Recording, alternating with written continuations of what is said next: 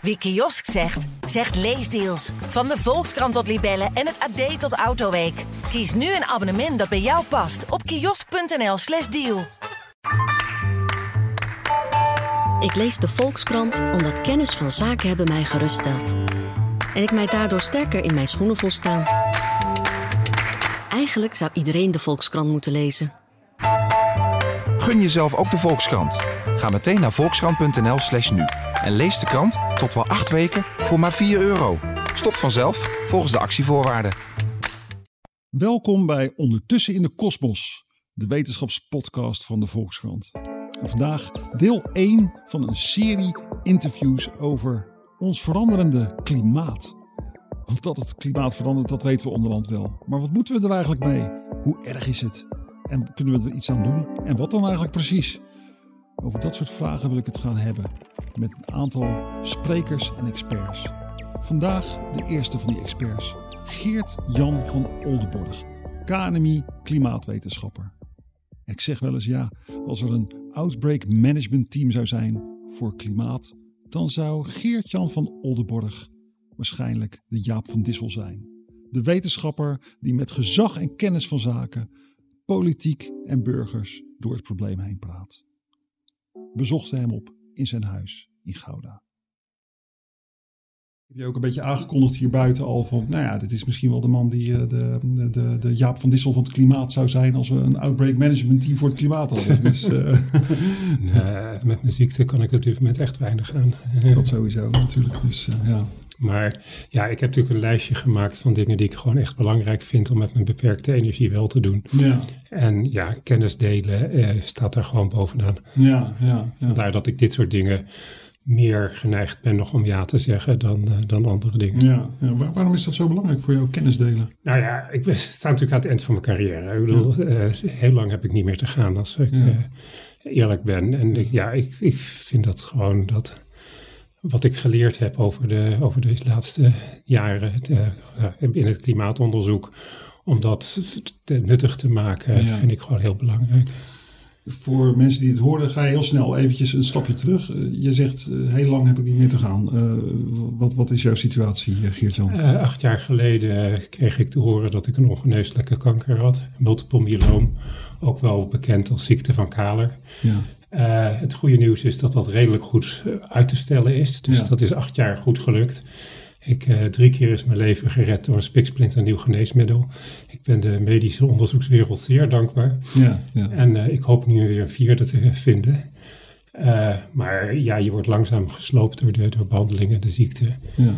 Ja. ik heb wel geprobeerd zoveel mogelijk door te werken, zoveel mogelijk een normaal leven te leiden in die periode.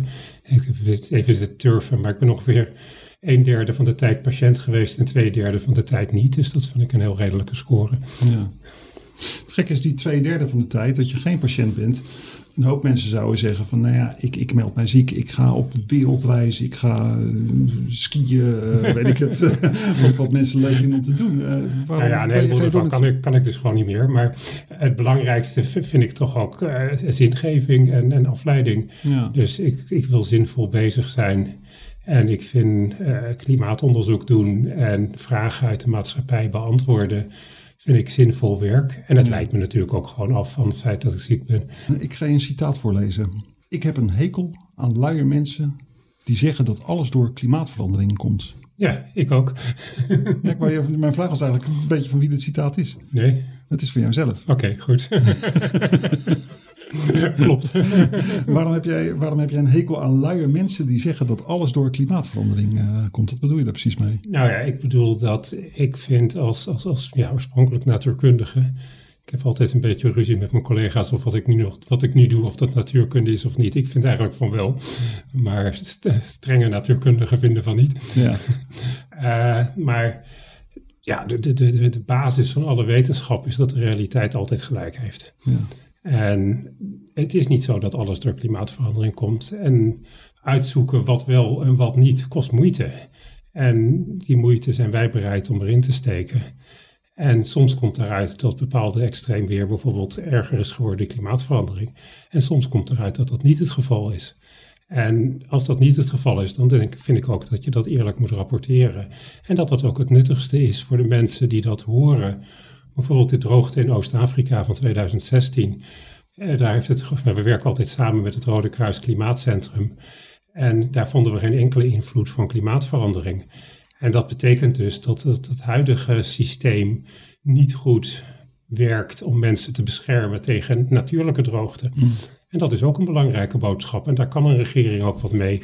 En die moet, dat betekent dat, nou, die moeten, die, die kunnen dus maatregelen nemen dat, hun, dat de effecten van de droogte kleiner zijn, worden dan ze nu zijn. En wordt er dan ook een uh, soort van, van druk op je uitgeoefend van zeg alsjeblieft dat het door klimaatverandering komt? Nee, daar heb ik nooit iets van gemerkt. Nee. En als dat zo zou zijn, dan zou ik dat straal negeren. Het is makkelijk als je in Afrika zit om te zeggen, ja, het komt door klimaatverandering. Maar daarmee zeg je eigenlijk van, jongens, het komt uit het eh, Rijke Westen. Ja. Met jullie fabrieken hebben het gedaan. En dan, kunnen we, en dan kunnen we vangen. Ja, precies. precies. Ja, nee, dat is zeker zo. Uh, maar ik, ja, daar proberen we ons niks van aan te trekken. Ja, ja, ja. Gebeurt het vaak, want de uitspraak was natuurlijk van, ja, uh, je hebt een hekel aan luie mensen die zeggen dat alles door klimaatverandering komt. Zie jij Neem je dat waar? Mensen die snel zeggen van het komt door klimaatverandering, terwijl het niet zeker is? Soms wel, soms niet. Ik, ik heb het idee dat uh, sinds wij hier actief zijn in dat veld en andere mensen ook, dat het minder voorkomt. En dat er meer uh, ja, op wetenschappelijke basis. Er komt natuurlijk steeds meer informatie beschikbaar. Ik zat net het IPCC-rapport uh, door te lezen. En dan zie je dat met die mooie figuur 3, met alle effecten op extreem weer, dat er gewoon ontzettend veel meer informatie is hoe klimaatverandering extreem weer beïnvloedt dan vijf jaar geleden. Die mooie figuur 3 uit het IPCC-rapport, dat is een, als ik het goed herinner, is dat een plaatje waarbij je eigenlijk ziet van zo was het 100 jaar geleden en zo is het nu. Dat nee, is dat een is een, eh, een wereldkaart met, die aangeeft waar extreme hitte uh, het is toegenomen door klimaatverandering, extreme neerslag en droogte. Ja. En ja, dat zijn natuurlijk de, de, de, nou, de hitte en extreme neerslag zijn de, de meest zichtbare effecten van klimaatverandering tot nu toe. Dus die zijn voor een groot gedeelte gekleurd. Maar bijvoorbeeld droogte, dat, dat is iets wat, uh, ja, wat, wat erg van de, van de plek afhangt eigenlijk. Ja, ja, Ik heb het zelf trouwens wel eens die, die, die luiheid. Eh, ik heb het zelf wel eens dat die indruk als het gaat om Nederland. In, in 2014 schreef het KNMI in een rapport mhm. waar je zelf over aan meeschreef.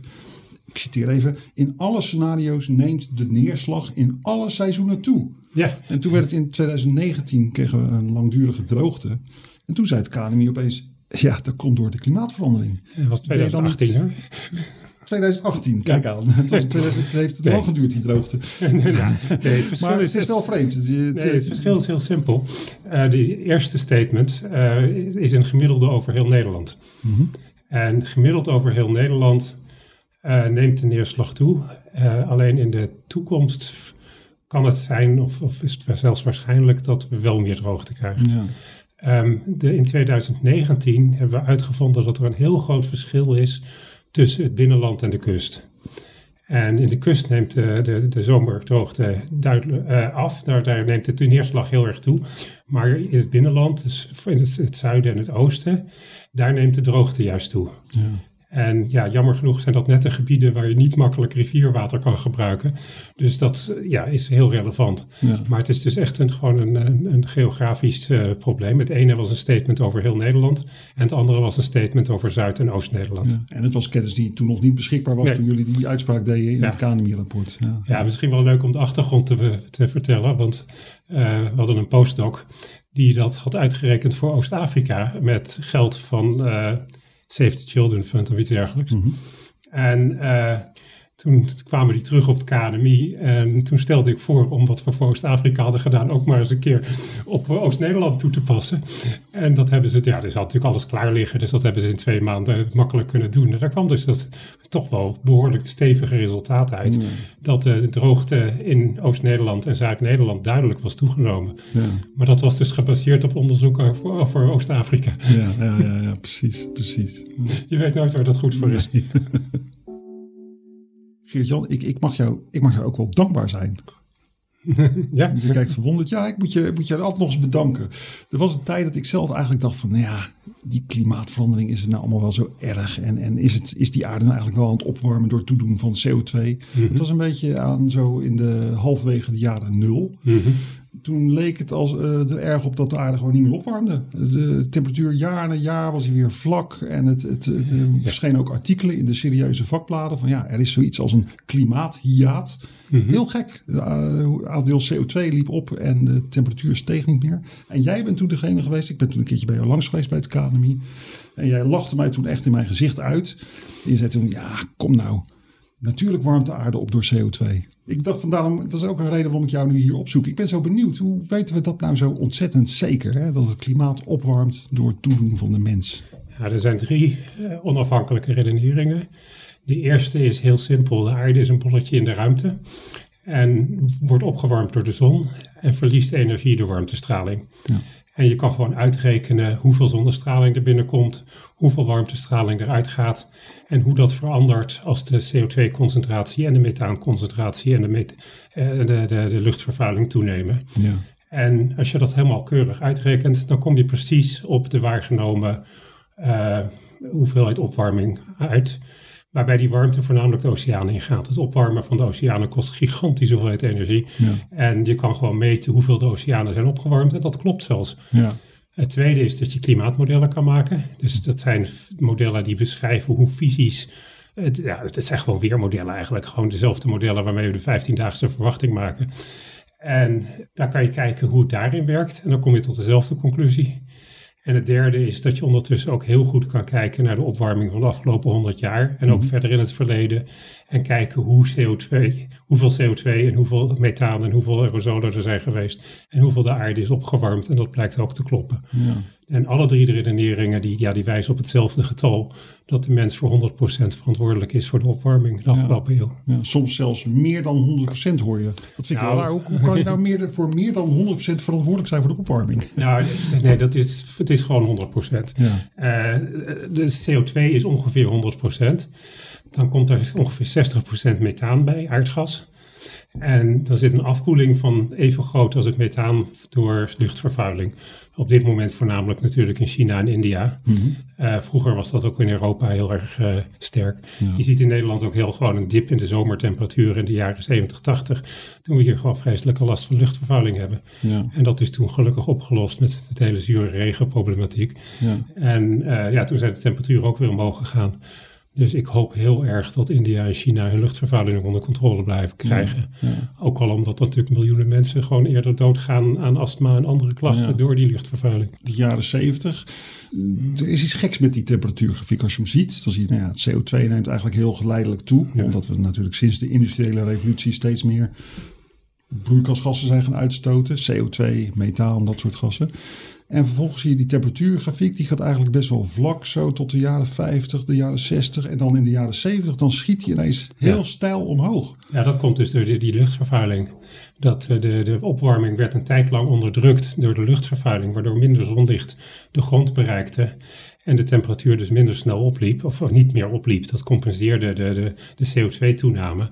Totdat uh, ja, in ieder geval Europa en Noord-Amerika in de jaren 70, 80 net de zwavel verbannen werd. En ja, toen ging het weer hard omhoog. We hebben het eigenlijk onderdrukt, zo zou je het kunnen zeggen. Ja. Ja, Toen ging het hard omhoog. En vervolgens, nou ja, dat was die periode dat ik bij je kwam. Na 2000, 1998 hadden we een enorm warm jaar.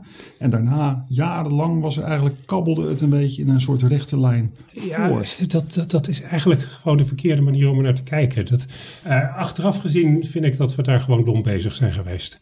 Uh, we hadden een, uh, een schrijfbijeenkomst van het vorige IPCC-rapport waar ik aan meedeed. En we namen dat, dat, dat beeld over. Terwijl dat Stefan Raamsdorf me er later op gewezen heeft, en die had volledig gelijk, dat dat gewoon onzin is. Want als je zegt van ja, de, de, temperatuur neemt een tijd lang niet toe, dan moet je ook verklaren waarom in 1998 de temperatuur ineens een halve graad omhoog sprong. Ja. En eigenlijk moet je dus gewoon eisen dat de temperatuur continu, zoals de wiskundigen het noemen, varieert. Dat er geen sprongen in zitten. Ja.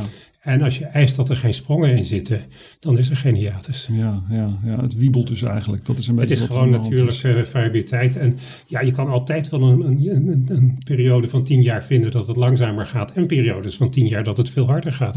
Maar dat heeft niet, zo, heeft niet zoveel zin om daar naar te kijken. Het gaat om de langjarige trend. En die is, nou ja, ongelooflijk opvallend steady de laatste, ja. sinds de jaren zeventig.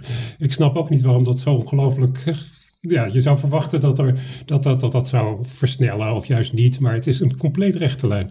Ja, ja. nou, compleet rechte lijn. Als je het gewoon per, van jaar tot jaar bekijkt, dan heb je dus die natuurlijke variabiliteit, zoals die Stefan Raamsdorff, dat is een Duitse wetenschapper, Duitse klimaatwetenschapper, die, die geeft dat ook aan. Waar komt dat vandaan? Jij bent fysicus, dat moet ergens, dat moet een oorzaak hebben. Tuurlijk. De, nou, de belangrijkste is El Nino. Dat is een, een opwarming van de oostelijke stille oceaan langs de Evenaar.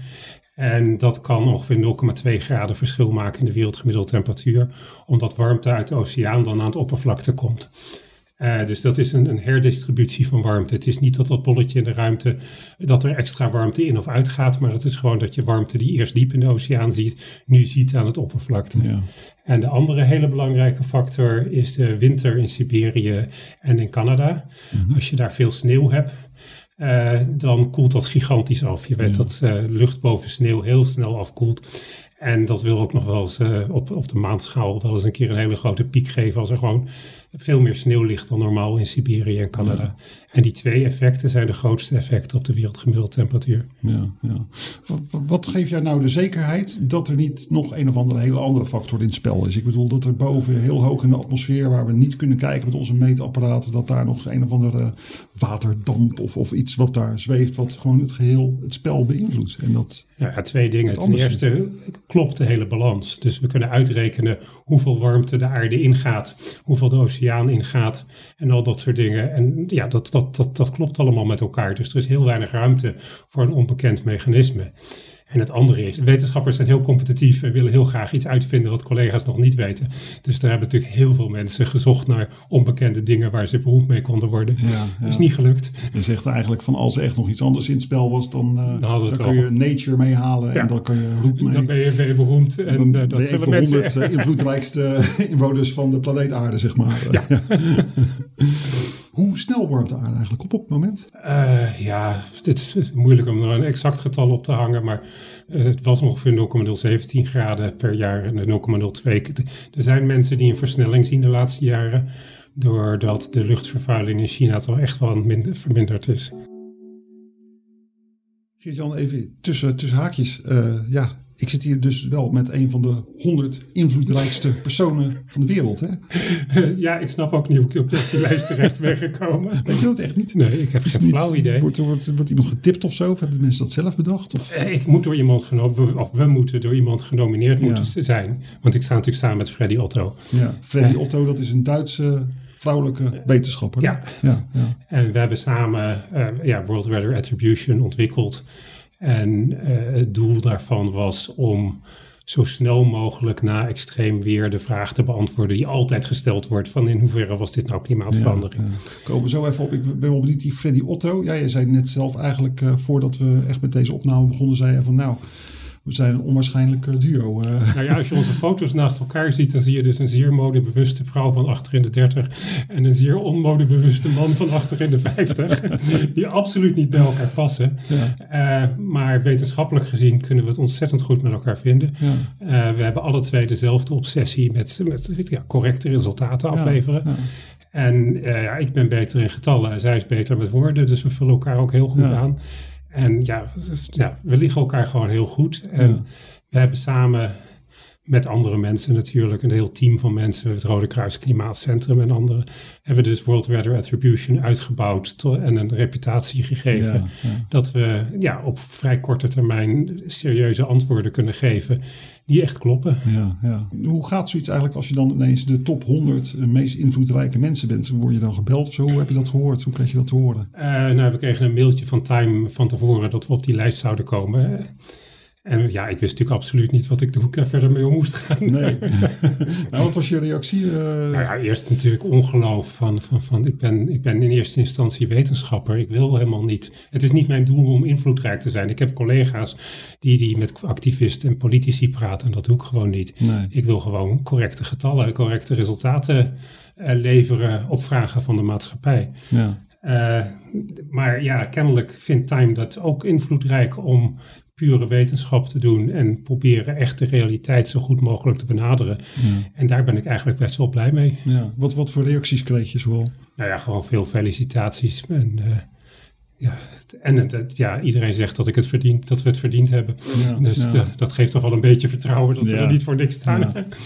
Je, je zegt trouwens tussen neus en lippen door, zeg je eigenlijk van ja, ik heb collega's die heel erg bezig zijn met het praten met de politici en het uitoefenen van invloed. En ik doe daar eigenlijk niet aan mee. Waarom eigenlijk niet? Want er zijn ook best wel veel klimaatwetenschappers die zeggen van ja, wacht eventjes, wij zien wat er gebeurt op aarde. Het is onze taak om de wereld te waarschuwen. Wij moeten de politiek waarschuwen. Hoe zie Eh, jij dat? Misschien wel, maar ik ben er gewoon niet goed in. En, en ik denk dat ik nuttiger ben door te doen waar ik wel goed in ben. En dat is uitrekenen hoe groot de invloed is van klimaatverandering op extreem weer. Ja. En proberen dat zo zorgvuldig mogelijk te doen. En dan laat ik het aan andere mensen over om die resultaten verder te vertalen naar, naar de richting politiek en, en dat soort dingen. Ja, je bent geen klimaatactivist, Nee. scientivist zoals het dan heet. Dat ben je helemaal niet. Absoluut Nee, niet, nee. Maar ja, als andere mensen vinden dat daaruit blijkt dat er dingen gedaan moeten worden, vind ik dat prima. Ja. Maar ik, ik zie dat, ja, ik ben daar gewoon, dat is niet, niet mijn, mijn vakje, mijn taak. Nee. En ook in jouw persoonlijk leven, ik bedoel, ben jij iemand die, die eh, niet vliegt en, en elektrische auto's rondrijdt en zonnepanelen op het dak heeft en Ah, ja, vlees ja, eet? Of? Nou, ons dak hier is totaal ongeschikt voor zonnepanelen. Dus we liggen bij de zeilvereniging. maar ja, ik heb zonnepanelen. Ik probeer zo min mogelijk te rijden. Eh, ik vlieg niet, maar dat heeft een hele andere oorzaak. Want de laatste drie keer dat ik in een vliegtuig stapte, kwam ik zo ziek eruit. dat het duidelijk was dat ik dat niet nog een keer moest doen.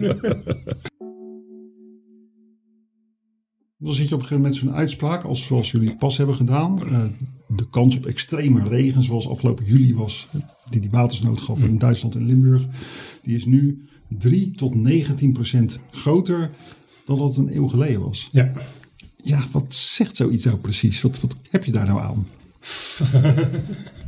Ja, nou dat hangt dus erg af van het soort extreem. Bijvoorbeeld bij hittegolven kunnen we veel sterker uitspraken doen dan bij, eh, bij extreme neerslag. En dit was een uitzonderlijk moeilijk probleem, omdat het een heel klein gebiedje was waar die extreme regen was.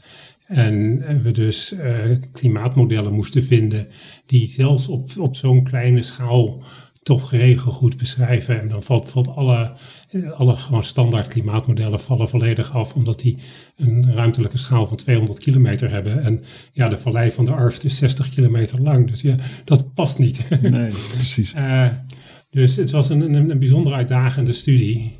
Ja, En eh, ja, we proberen gewoon de maximale hoeveelheid informatie uit beperkte mogelijkheden te halen. ja, En dat te presenteren. En of dat goed genoeg is voor de, voor de maatschappij en de mensen die de vragen stellen. Ja, als, het, als er niet meer in zit, zit er niet meer Ja. in. En dan kunnen we het ook gewoon niet leveren. Maar mijn vraag is een beetje een iets andere. Ehm, je zei zelf al van, nou ja, mensen hebben gewoon heel erg die behoefte om te weten van, het komt voor zoveel, eh, het komt voor een deel door het klimaat. Ja. Maar dan zit je met zo'n uitspraak als van, ja, het komt voor 3 tot 19 procent door klimaatverandering. Ja. Wat, wat heb je daar nou eigenlijk aan? Weet je dat? Nou, in ieder geval de zekerheid dat er een positieve invloed is op. eh dus de positieve. eh, en dat, dat dit soort regens versterkt zijn, want de ondergrens is groter dan nul. Ja, En dat is de belangrijkste boodschap die we dan proberen mee te geven. Van ja, dit soort extreme regen komt nu al vaker voor door de opwarming van de aarde. ja, En hoeveel dat precies is, kunnen we eigenlijk niet zo goed zeggen. Omdat de, ja, het, het te klein was en er gewoon technische problemen waren. Maar dat die invloed er is, staat als een paal boven water. ook wel een beetje so what, toch? Nou ja, dan verwacht je dus dat dat in de toekomst alleen maar erger gaat worden. Want de aarde gaat echt niet afkoelen. Nee. De aarde blijft opwarmen. En het hangt van onze acties af hoeveel. En eh, we zijn nu op het punt dat dat, dat gewoon heel duidelijk wordt. hè, Dat, eh, dat we de keuze hebben op dit moment tussen verschillende toekomstscenario's. En zo'n overstroming laat zien dat de kosten van niks doen ook gigantisch zijn. Ja. Kritiek is er ook op uh, deze, dit soort studies. En eigenlijk is de belangrijkste kritiek van ja, hoe kun je nou eigenlijk weten dat het klopt? Uh, Ross McKittrick, uh, Canadese milieueconoom, die zei bijvoorbeeld over jullie onderzoek naar attributie, en ik citeer hem eventjes, lekker makkelijk. Want niemand kan je ooit ongelijk bewijzen. Je kijkt altijd alleen maar achteraf naar iets wat er is, al is gebeurd. dus je bent eigenlijk een beetje zoiets als een financieel analist die gaat zeggen welke aandelen je vorig jaar gekocht had moeten hebben. ik vond het wel een goede eigenlijk. Wat, wat, wat is jouw reactie op die kritiek? Nou ja, puur formeel Poplariaans klopt dat volledig. We, we maken niet falsifieerbare uh, uh, conclusies. Je doet geen voorspellingen.